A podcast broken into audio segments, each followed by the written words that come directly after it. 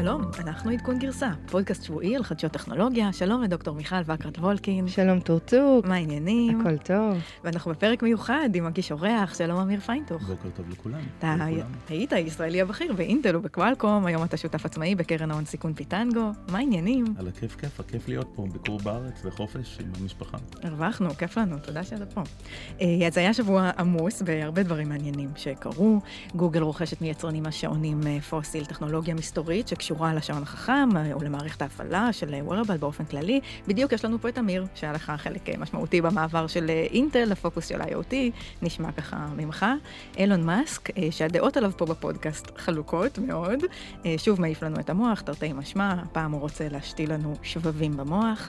ברדק ב-WeWork, רגע לפני ההנפקה, אדם נוימן המנכ"ל והמייסד ואיש החזון, מוכר מניות ואג"חים בשווי 700 מיליון דולר, ושמחה, גם בנטפליקס ברבעון השני של 2019, הם איבדו המון מנויים והמניה צנחה לה עם פרסום התוצאות הרבעוניות. ונסיים עם טינדר, שהאמת בדומה לנטפליקס גם עושה כל מה שהיא יכולה, כדי שתשלמו לה ישירות ולא דרך אה, חנויות האפליקציות, נדבר גם על זה, וגם נעשה מבוא לטינדר, לדינוזאורים שמאזינים לנו גם בתוך האולפן וגם uh, בחוץ.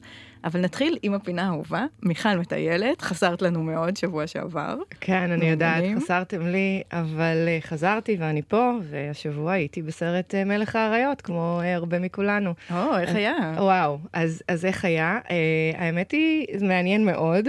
מסתבר שהסרט הזה נהיה בלוקבאסטר מספר 5 uh, ל-2019, והוא בסך הכל משודר סוף שבוע אחד בארצות הברית וגם בכל העולם. יש לו gross margin מטורפים של 185 מיליון דולר. בקיצור, הוא ממש uh, שובר קופות. מסתבר שדיסני משחקים אותה עוד ועוד, ואנחנו מדברים הרבה יצרני תוכן, אבל השנה הם עם 35% מהסרטים הכי נצפים uh, שהם שחררו, הם שחררו את קפטן מרוויל ואת אבנג'ר ואת אלאדין, טוי סטורי 4 למי שלא ראה.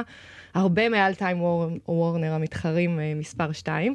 Uh, והסרט מלך הריות עשוי מאוד מאוד מיוחד, לא יודעת אם uh, יצא לכם, uh, אם יצא לכם לראות. הבנות שלי שם אתמול דיווחו בהתרגשות שזה גרסה הרבה יותר טובה ממה שהן זוכרות בתור ילדות קטנות באנימציה ובתיאטרון. אבל מבחינה טכנולוגית זה שם קפיצת דרך ממש משמעותית מהדורות הקודמים. נכון, נכון, הם אה, מדברים בעצם על אה, טכנולוגיה של פוטו-ריאליסטיק, אז אתה, אתה נכנס לסרט ואתה פשוט רואה חיות מדברות, מרגישות, שורות, אה, עם הענישה ב, ב, בלשון אנוש את החיות. אה, העובדה היא שהם לא שינו את התוכן המקורי בכלל, הם הבינו שמוסר ההשכל כאן הוא חשוב, והם לא מנסים לעשות איזשהו, אה, איזשהו שואו, אבל השואו הוא באמת, אה, באמת היכולת שלהם להעניש את החיות. והבנתי שהם השתמשו גם בטכנולוגיה של AR/VR כדי לצלם או להקליט את הסרט. לקח להם שש שנים לעבוד על הקונספט של הסרט. למעשה הצוות הוא הצוות המקורי האנימציה של ספר הג'ונגל. אז כשמסתכלים ומדברים עם הבמאי ג'ון פאברו, הוא מסביר שבעצם הם עשו פה שינוי די משמעותי. אם מסתכלים על טכנולוגיה של אנימציה מתקדמת, בדרך כלל השחקנים המדבבים נכנסים לאולפן, קוראים את התסריט, משתדלים להביע את הבעות הפנים וכדומה, מצלמים את הסרט בעדשה רחבה, ואז האנימטורים מנסים לחבר בין השניים. פה עשו דבר אחר. בעצם הדיבוב נעשה תוך כדי חבישת קסדות של מציאות מדומה. מטורף, ממש מטורף. אני לא יכולה לדמיין לעצמי את ביונסה חובשת uh, קסדות, ביונסה הייתה נאלה, אם, uh, אם אתם... אולי היא היחידה שלא נראית מגוחכת כשהיא שמה ערכת VR על הפרצוף. אנחנו כל הזמן מנסים למצוא תחליפים ושימושים, use cases ל-AR, VR, הטכנולוגיה שלדעתנו תחלוף מן העולם, אז הנה, כן. מצאנו תחליף. ומבחינה טכנולוגית, למעשה מה שקרה פה, בעצם אפשר להגיד ששוק הגיימינג פוגש את שוק האנימציה. נכון. והרבה מאוד מנועי גיימינג שמשתמשים בהם לרנדרינג וכל מיני חוויות אה, מאוד ריאל, ריאליות, נתנו לו אה, אה, בתוך הסרט הזה. אז זה ככה היה מאוד מאוד פנטסטי להבין, בעצם עשו פה שני דברים. אחד, הם אה, בדקו חיות אמיתיות, הסתכלו הרבה מאוד על סרטים של אה, דיוויד אדנבורו, אה, פלנטר וכדומה, ורצו בעצם להשפיע כמה שפחות על התנועות האמיתיות של החיות. ומצד שני נתנו לשחקנים להתחזות לחיות וחיברו את שניהם ביחד. ממש פנטסטי. נכון. מדהים. אז מיכל, מה יש בשורה התחתונה? נהנית? טוב, אל תקשיבו כולם לעצום את האוזניים, אבל נרדמתי. הילדים שלי נורא נהנו, היינו כל המשפחה, זה היה ממש אה, חוויה, הילדים שלי גדלו בארצות הברית, ומבחינתם הסרט הזה זה, זה הרנסאנס של הסרטים, לא רק שלנו, גם של הרבה אמריקאים אחרים. אז הם נורא נהנו, אני נרדמתי, הייתי נורא יפה, חזרתי מחופשה. באיטליה, אז uh, הייתי צריכה לנוח. טוב, אבל לנמנם באולם קולנוע זה גם חלק מהכיף. האמת היא שאני תמיד נרדמת, כן, זה לא משנה מה. במקום אפל וממוזג. ממוזג ועם משקפיים של 3D בכלל, זה, זה, זה, זה נהדר. טוב, יש לנו אה, שבוע עמוס בחדשות. אה, גוגל רוכשת טכנולוגיה לשעון החכם מפוסיל, שהיא בכלל יצרנית של שעונים ותכשיטים וארנקים.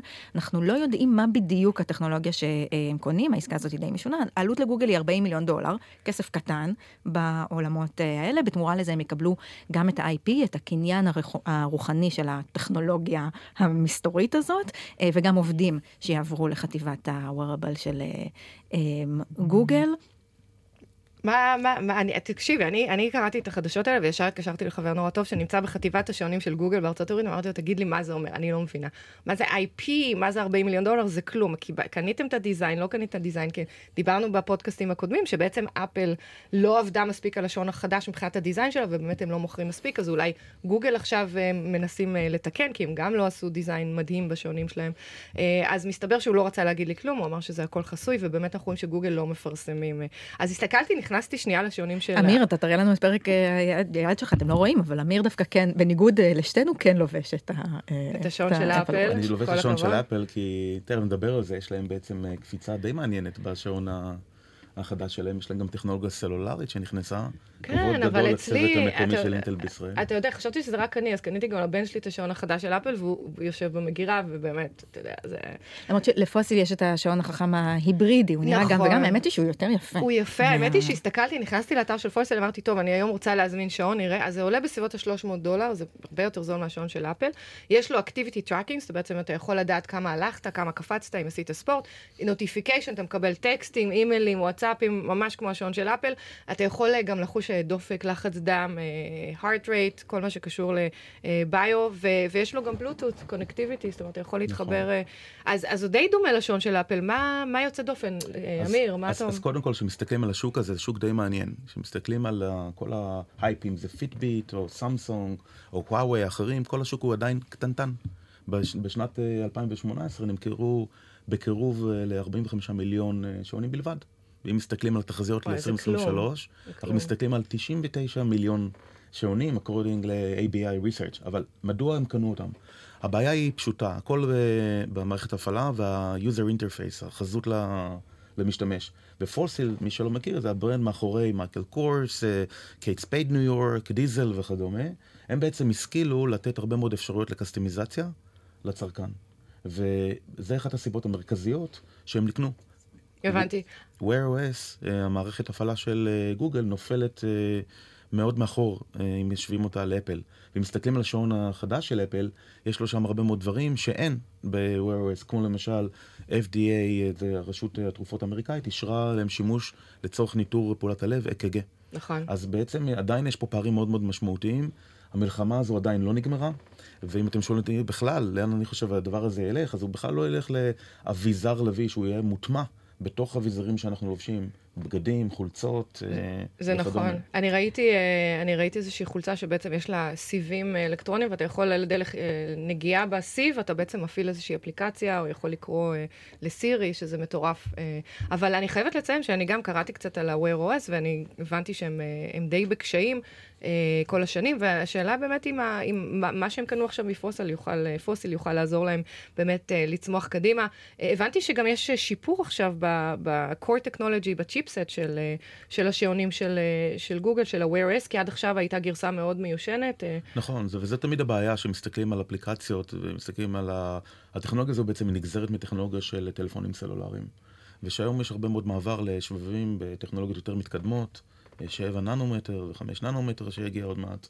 אז בעצם השיפור הדרמטי בצריכת הזרם הוא עיקר הכשלים החשובים. מה המשמעות של, ה, של השיפור הזה? מה, מה לי בסופו של דבר שמחליטה אם כן או לא ללכת עם ה-Apple Watch? מה המשמעות של זה? קודם כל הסוללה, הבטריה, אז לי הייתה שיחה עם כמה חבר'ה מה, מהקבוצה של השעונים, והבנתי שזו בעיה מאוד חמורה, הם כל הזמן מסתכלים על טכנולוגיות של בטריות, ומה שאמיר אומר זה בעצם שהצ'יפסט החדש יאפשר יעילות אנרגטית יותר גבוהה, שימוש אה, אה, מופחת בבטריה, שבעצם השעון יוכל להחזיק יותר זמן מעמד ולא תצטרכי להטעין אותו כל כמה שעות. זה אחד. דבר שני, המסך יהיה הרבה יותר יציב, לא יהיה ריצודים, שהבנתי שגם הייתה אחת הבעיות. היו המון תלונות על חוסר יציבות, וגם הבנתי שהיו כל מיני אפליקציות, זה בעצם, יש app store, זאת אומרת, אתה יכול לכתוב אפליקציות, מפתחים, developers יכולים להוסיף אפליקציות, אז היו כל מיני אפליקציות שלקחו המון המון אנרגיה. הייתה למשל אפליקציה שאתה יכול לשלוט בתרמוסטט בבית, בטמפרטורה על ידי הטלפון, על ידי השעון. מי, מי צריך את זה בכלל? אז יהיו כאן אה, הרבה שימושים, שגם מצד אחד אופטימיזציה על כל התוכנה והחומרה, מצד שני אה, מינימיזציה של כל מיני features שבעצם לא צריך אותם. וככל שמכניסים הרבה יותר סנסורים בפנים, דיברנו על אק"ג, דיברנו על אה, מד דופק לב וכדומה, אז יכולת המחשוב היא צריכה להיות יותר יעילה בצריכת זרם מופחתת. בדיוק. אז זה די מלהיב לראות שעדיין החברות הגדולות משקיעות אנרגיה בדברים האלה, ולא מתייאשות למרות עשרות מיליוני יחידות, שזה יחסית קטנצ'יק. נכון, ואני רק חוזרת למה שאמרת מקודם, שבעצם אנחנו מטמיעים היום כל מיני סנסורים במוצרים לבישים, אז גם ברכב, שאני מאוד לא אוהבת לדבר על רכב, כמו שאתם יודעים, כן, יש היום... אני משתדלת להמעיט, להמעיט בדיבור בנושא. יש למעשה בתוך הרכב, בתוך הכיסאות, היום כבר פלטפורמות שיכולות למדוד לחץ דם, דופק נשימה, ליר למשל, השיקה לאחרונה פלטפורמה שנקראת BioBridge, וזה מאוד מעניין לראות שאנשים רוצים לעשות opt-in לכאלה services. בן אדם נכנס לרכב ורוצה לדעת מה המצב הבריאותי שלו, השעון לא תמיד על היד, לא תמיד יש לו בטריה, לאמיר יש, אבל לי ולתור למשל אין, ואני חושבת שזה באמת אה, אה, דרך מעניינת ללבוש או לא ללבוש את המוצרים, את הסנסורים האלה. כן, זה גם, לשם אני חושבת באמת אה, השוק הולך. בסופו של דבר, השעונים לא נמכרים כי לא באמת צריך אותם. כאילו, אנחנו מדברות על זה כל פעם שזה שעון. מגיע, שבסופו של דבר הם שוכבים, לפחות אצלנו, במגירה. אמיר, אתה פה מקלקל לנו את הסטטיסטיקה עם השעון שעל היד שלך, ובאמת, אבל אנחנו רואים שזה לוקח אותנו למקומות הבאים ולאביזרים לבישים, ואם אנחנו מדברים כבר על התקדמות בכיוונים האלה, אילון מאסק, אה, כוכב שלנו, הזורח, אה, יוצא להרפתקה חזקה, אה, חדשה, נקראת נוירלינק, היא ההרפתקה המגלומנית הבאה שלו. הפעם לא עפים לחלל ולא חופרים את כל לוס אנג'לס, הפעם משתילים שבבים במוח. שני התחומים שאני חושבת תמיד סקרנו את האדם, הכי גדול, הכי רחוק, הכי מורכב זה החלל, ועכשיו הוא פונה להכי קטן, הכי קרוב והכי מורכב, שזה המוח מוח האדם, שני צדדים של אותו מטבע. האמת היא שזה מדהים. זה באמת, אני קראתי את הכתבה ונפלתי ועפתי, אני, יש לי איזושהי הערצה כזו סמויה לאילון מאסק אה, מאז שאני הייתי בבטר פלייס, למרות שעוד לא פגשתי אותו, אבל אה, אמיר, פגשת את אילון מאסק? אה, לא, לא פגשתי אותו, אבל אתה יודע, תמיד אתה ב Valley, בסופו של דבר אתה לא רוצה להציק לאנשים. נכון. האמת היא שאני ואמיר, קצת, שתדעו, מכירים טוב מהוואלי, הוא הגיע קצת אחריי, אני גרתי שם 17 שנים, אבל... מיכל העבירה לי את הבטון למעשה. בדיוק, העברתי לו את, השרביט. בכל מקרה, לחזור לאילון מאסק, לפעמים אתה יושב שם בבתי קפה ופתאום אתה רואה את כל החבר'ה האלה. אז הוא פיתח, הוא בעצם משקיע, השקיע יותר מ-100 מיליון דולר בניורלינק, אה, מפתחת אה, סיבים חשמליים שיושתלו במוחנו אה, ויוכלו לשפר את הפעילויות, כגון ראייה, שמיעה, נכות. אני קראתי איזושהי כתבה נורא מעניינת שאומרת שהמטרה שלו בסך הכל היא לשלוט על מוח האדם ולשפר אותו, זאת אומרת לעשות איזושהי אופטימיזציה או חיבור בין המוח למחשב, ואם המחשב הוא מחשב שמבוסס AI, או משתמש ב-AI, בעצם כל המחשבה שה-AI היא המסובכת תעבור לנו למוח. אבל קצת על הסיבים אני אדבר. זה סיבים שיכולים לקלוט וגם להקליט סיגנל חשמלי שעובר לנו במוח, ובעצם מעבירים אותם uh, מהמוח שלנו דרך חוט חשמל, uh, הכבל עובר עד האוזן, uh, ושם יש איזשהו, משדר ויכול לשדר חזרה את האות. כל התחום הזה נקרא Brain Machine Interface, uh, והאינפורמציה בעצם יכולה לשדר פנימה והחוצה. הסיב יכול, יכול להיות מושתל בתוך המוח, זאת אומרת, הם לא רק פיתחו סיבים שיהיו גמישים ולא יפגעו ברקמות המוח האנושיים, גם פיתחו איזשהו רובוט שעושה את החורים בגולגולת. כמו מכונת תפירה, הוא נהג להגיד. לא, זה מטורף, זה פשוט מטורף. העובי של כל סיב הוא בין 4 ל-6 מיקרון, זה שליש שערה. כן. ויש כמה אה, מאות או אלפי סיבים כאלה בתוך אה, אלקטרודה, כמו שככה הם קוראים לזה, וזהו, בואו, אנחנו מדברים על מעבר נוירונים, ככה בקטנה. אבל חברים, כשאנחנו מדברים על בעצם אה, אביזרים אה, מושתלים, אנחנו שוכחים שזה כבר קיים. אם מסתכלים על קוצבי לב, היום יש לנו כבר... אה, יכולות uh, טובות לחדור פנימה ולעשות את הדברים הללו. זה נכון. למרות שה... לא הייתי מזלזל בנושא של רקמת המוח. כדי לקלוט את הסיבים האלו, עדיין צריכה להיות פה התפתחות טכנולוגית. אבל מה שמעניין פה לראות זה שני דברים. אחד, שאם מסתכלים על עכברי מעבדה, שבעצם הם מדגימים היום את הדברים על מחברי מעבדה, ומחברים לשם כבל של USB, היכולת שם להעביר מידע היא פי עשר יותר מאשר סנסורים רגילים. זה מאוד מאוד מעניין. דבר שני, אנחנו חושבים, רגע, מה זה כל הבלגן הזה? בעצם כל הכתבות האלה נועדו כדי לגייס עובדים. יש להם מצוקה נכון. קשה מאוד ב Valley לגייס אנשים, והם יצאו החוצה ב-PR גדול, מלחמה על ה talent, כמו שזה נקרא, מאוד מאוד חשובה, וזו דרך מאוד מאוד יפה לרתום את אילון מאסק, הבן אדם שהביא לנו את ספייסקס וטסלה למשימה. כן, אני הבנתי שיש שם משהו כמו 90 עובדים, והם אה, מחפשים אה, להגדיל אה, בצורה משמעותית את החברה. הם כבר עושים ניסויים, כמו שאמרת, בעכברים בסטנפורד, והמנכ"ל המייסד של החברה, שנקרא מקס הודק, טוען שבשנה הבאה יתחילו ניסויים גם בבני אדם. ומבחינת ה- באמת צרכנים ואיזה סוגים של ניסויים, מה, מה בעצם יצא מהטכנולוגיה הזאת? למה אנחנו יכולים לצפות? אז תראו, הם מתחילים למעשה בלהגיד שהם רוצים לשפר אה, כל מיני impairment, כל מיני נכויות של בני אדם, אה, אם זה שמיעה או ראייה. או בן אדם. מוטוריקה. אה, אז זה, באמת השלב הראשון, ואני חושבת שזה משהו שה-FDA יכול אה, לאשר. השאלה אם אנחנו נולדנו להיות מושלמים, ויש אנשים שבאמת נולדים כל מיני נכויות, וזה נהדר, אפשר לפתור אותם, אבל פה אנחנו כבר רואים שיש איזושהי יכולת לקלוט את גלי המוח, להבין אותם בצורה אה, רציפה, וגם אה, לשדר בחזרה סיגנלים. ו, ופה קצת נראה לי שיש איזשהו, אה, איזשהו קריפינס. מה אתה חושב, אמיר? אני חושב שאדם שנולד בלי שמיעה, בלי ראייה, והטכנולוגיה בעצם מחזירה לו את היכולת להיות אחד מאיתנו, זה וואו, אחד גדול. כן, אני מסכימה איתך. אה, אנחנו רואים שיש גם פיתוחים אה, דומים אה, בתחום הנוירוסיינס היום בעולם. אני לא שמעתי על חברה שקודחת חורים במוח, אבל כן יש חברה שמדביקה סנסורים על הגוף, על הראש, על הגפיים, שלמעשה יכולה לקרוא גלי מוח או תנועות שרירים מזעריות ולנבא תגובות. לדוגמה, נחזור לתחום הרכב כמובן, נהג שמגיע לשלב של עייפות, אפשר לקרוא את גלי המוח שלו שהוא מתעייף. אם מישהו מתכנן לסמס באמצע נהיגה, אז אפשר למעשה, למעשה, בעתיד יהיה אפשר, להבין שהוא רוצה לסמס, והוא לא יקבל דוח של אלף שקל ושמונה נקודות, כמו שאני קיבלתי אתמול. מיכל אה, תהילה מהר. כן. אה, אולי נוכל אה, לקבל איזשהו ידע מראש על טעויות ש- שהרכב יוכל לעזור לנו למנוע. וכמובן שהיישומים האלה פותחים לנו עולם חדש של שאלות בתחומים של פרטיות. נכון. תור, מה היית רוצה לשפר אם היו יכולים להחדיר אלקטרודות למוח? או-אה, יש. יש אה, לא מעט, אבל הייתם מתנדבים? אם הייתם יודעים שזה יכול באמת לשפר יכולות אה, קוגניטיביות, הייתם מוכנים שהמכונת תפירה של אילון מאסק אה, תתפור לכם איזה סיב מאחורי האוזן? אני תמיד אוהב להתנסות, אבל אוהב להתנסות מאוחר.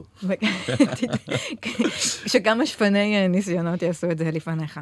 טוב, נשאר בעולמות אנשי החזון הגדולים האחרים. האדם נוימן אה, מכר אה, מניות וגם אה, אג"ח של החברה שלו, WeWork, ב-700 אה, אה, מיליון דולר. WeWork גייסו בסבב גיוס האחרון לפי שווי של 47 אה, מיליון דולר, ולפי השמועות היו אמורים, כיוונו להנפקה באפריל. אנחנו יודעים מאירועים קודמים, בגרופון ובזינגה, שגם שם מייסדים מכרו אה, כמות מאוד גדולה של מניות לפני ה-IPO, וה-IPO אה, אה, היה על הפנים בעקבות זה. מה, אמיר, בתור משקיע, תגיד לנו ככה, מה, איפ, תראו, יש... אה, מה אנחנו מפספסים פה כשאנחנו... אמרנו, כאילו, אדם אה, נוימן משחרר, אה, אבל זה חתיכת שחרור, אפשר להגיד. בלי ביקורת כמובן על המהלך, הם מסתכלים מבחינת אה, השקעות וכדומה, היזמים שבעצם בונים את החברות, וזה לא רק היזמים עצמם, גם הרבה מאוד אנשים בתוך השכבה הניהולית או העובדים הפשוטים, בסופו של דבר, שאנחנו רצים למרחקים ארוכים, לוקח סדר גודל של כעשר שנים וכדומה, לראות התכנות עסקית אדירה, אם בכלל. ואז אה, למהלך הדרך בעצם נוצרים אה, צרכים מאוד מאוד אה, ברורים ואנושיים לשחרר קצת קיטור, לתת לאנשים בעצם לסגור משכנתות, לשאת את הדברים הבסיסיים, מה שאנחנו קוראים להם, ולתחזק אותם בצורה כזו שיהיה להם את הכוח ואת האנרגיה המנטלית וכדומה להמשיך. למרות שהיינו מצפים שהם כאילו יחכו להנפקה ויחכו שהחברה תהיה רווחית לפני שהם ייהנו מזה. נכון. עכשיו, כשאתה מייסד, זה גם כן בסדר ולגיטימי כמובן. למרות שאנשים אומרים, וואו, 700 מיליון דולר באחוזים, זה בשווי ה- כן. השוק של החברה, זה פחות מ-10 אחוזים, אוקיי? אבל עדיין, המשמעות היא סימבולית וכדומה, ולכן אני חושב שכולנו קופצים על זה ומסתכלים, וואו, האם זה באמת סקונדרי, האם זה עוזר לחברה, לא עוזר לחברה, מה דעתכם? אני, קודם כל אני קראתי והבנתי שהוא השקיע בנדל"ן, הוא קנה עכשיו חמישה בתים פרטיים מהסכום שהוא בעצם אה, אה, לקח, ו, והוא גם השקיע בסטארט-אפים אחרים. אז אותי, זה, לי זה מעלה את השאלה מה יקרה עם WeWork, איפה WeWork נמצאת מבחינת ה-valuation שלה, אם בן אדם כמו אדם מוכר 700 מיליון דולר מהנכסים שלו, אני מאמינה ש-WeWork נמצאת במקסימום, בפיק, הוא לא מאמין שהם יעלו הרבה.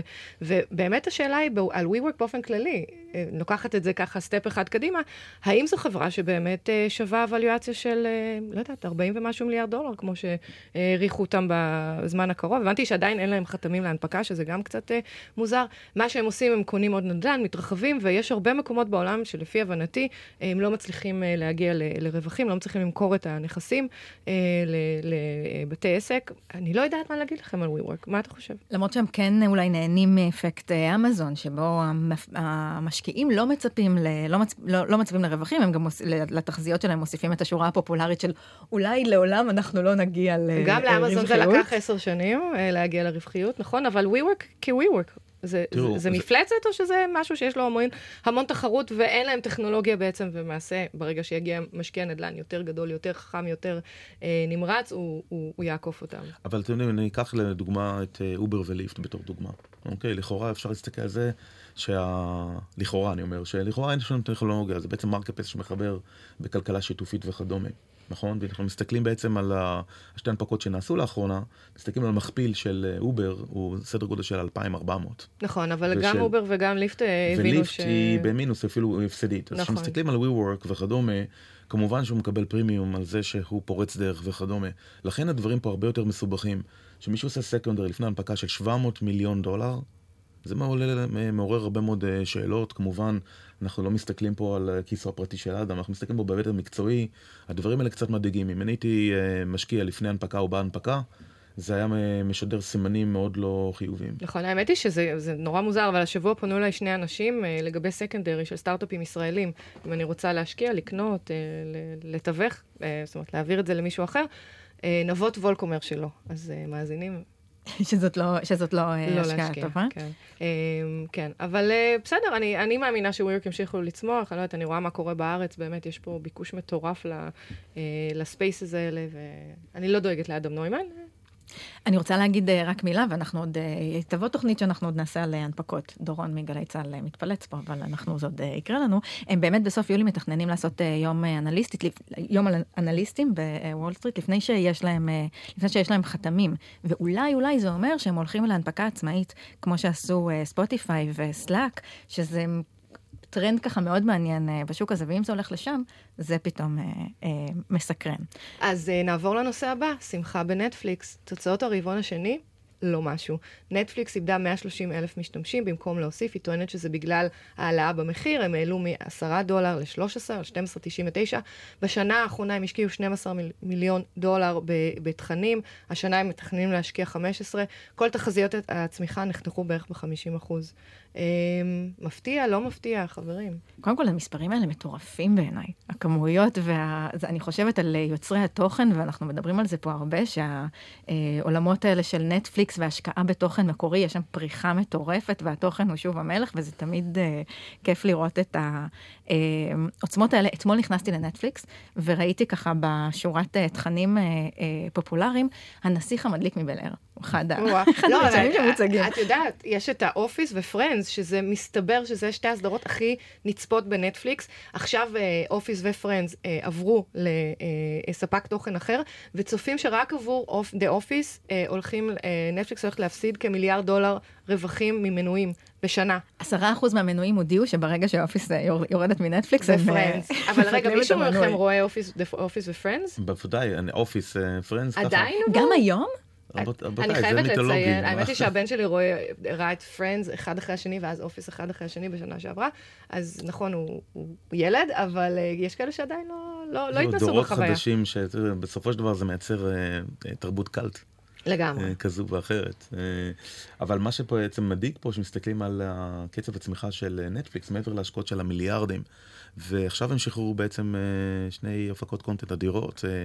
דברים מוזרים קוראים לזה בעברית? לא, זה מדהים, כן. כן, Stranger Things. Stranger Things, הסדרה האפלה. Casa de Papel, כאילו, שגם כן... בית אה, הנייר, שאני דיברתי עם חבר והוא ראה כבר את העונה, שחררו אותה בסוף שבוע האחרון, והוא אומר שזה עונה מצוינת. ועדיין זה לא מספיק. אז אם מסתכלים על האנליסטים, הם בעצם ציפו שכמות המנויים בעולם תגדל ל-4.8 מיליון וזה צמח רק, רק ב-2.8 מיליון. ויש, השאלה באמת אם הם לא הגיעו לאיזושהי רוויה בתוך השוק האמריקאי, שהוא השוק המרכזי נכון, שלהם כרגע. נכון, אבל מסתבר ש international, זאת אומרת, בכל השווקים של חו"ל וגם אה, אה, אה, ישראל ביניהם, הייתה צמיחה השנה. זאת אומרת, הנפילה הייתה בארצות הברית, אבל בחו"ל זה לא, ובאמת, אה, השאלה היא גם אם עושים מספיק branding. עכשיו יש להם המון תחרות, אפל נכנסת לתחום, אה, HBO עדיין אה, אה, חזקה.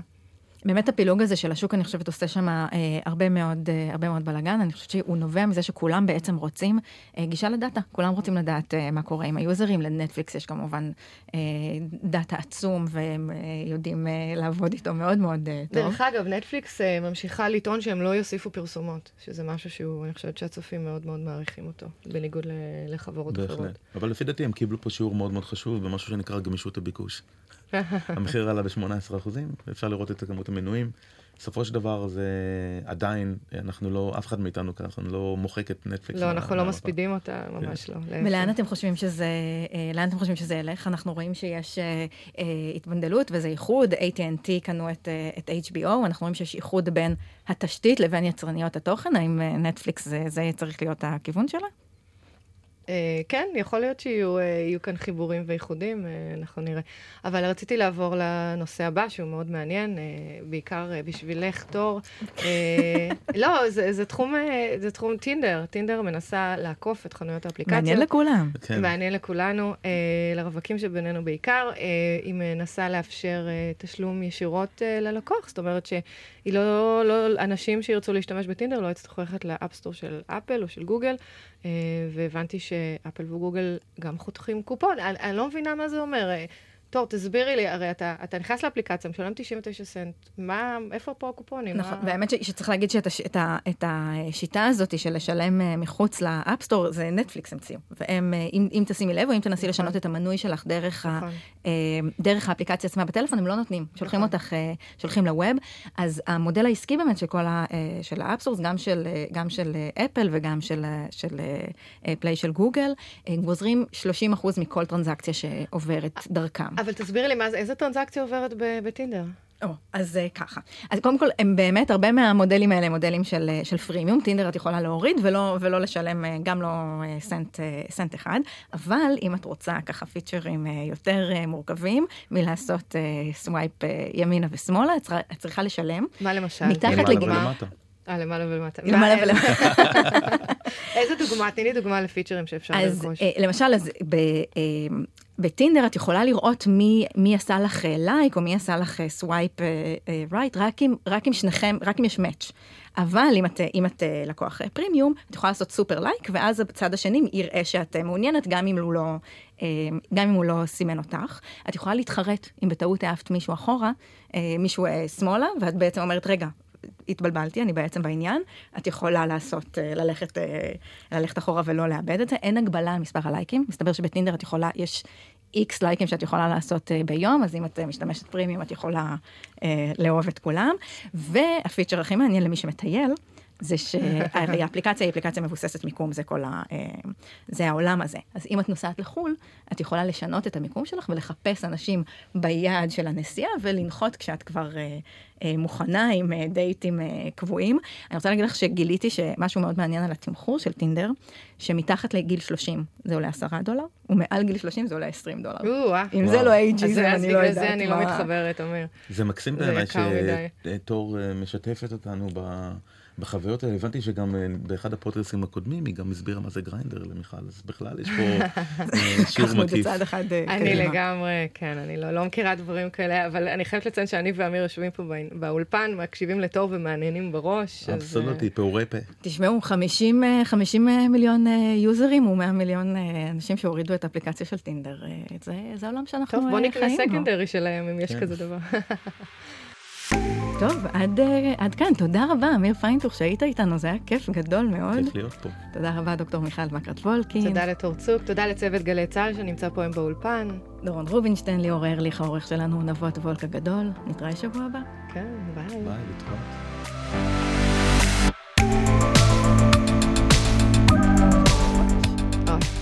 קשה, קשה. הייתי בפעם ראשונה באמת אחרי הרבה שנים בחופשה עם חברים, בלי משפחה, בלי ילדים. וואי. בלי בן זוג. איפה? באיטל, דרום איטליה, הרבה ים, פיצות, ים פיצות. היא סבלה באיטליה. קשה, נשמע היה קשה, קשה, נשמע היו לא קל. מראות שועטים מאוד קשים. אמיר, מה אתה עשית? אני סבלתי בים האדום, צלילות, אה, 40 מטר, טיולים בוואדירם, וואו. פטרה. גדול. היה מגניב, חם רצח. כן, היה אז מצטיין. אולי תישאר איתנו, לא יודעת, מה לדעתך לא לחזור לסיליקון אני? רוצה לנסוע עם טעם של עוד. אנחנו רוצים אותך פה. Thank you.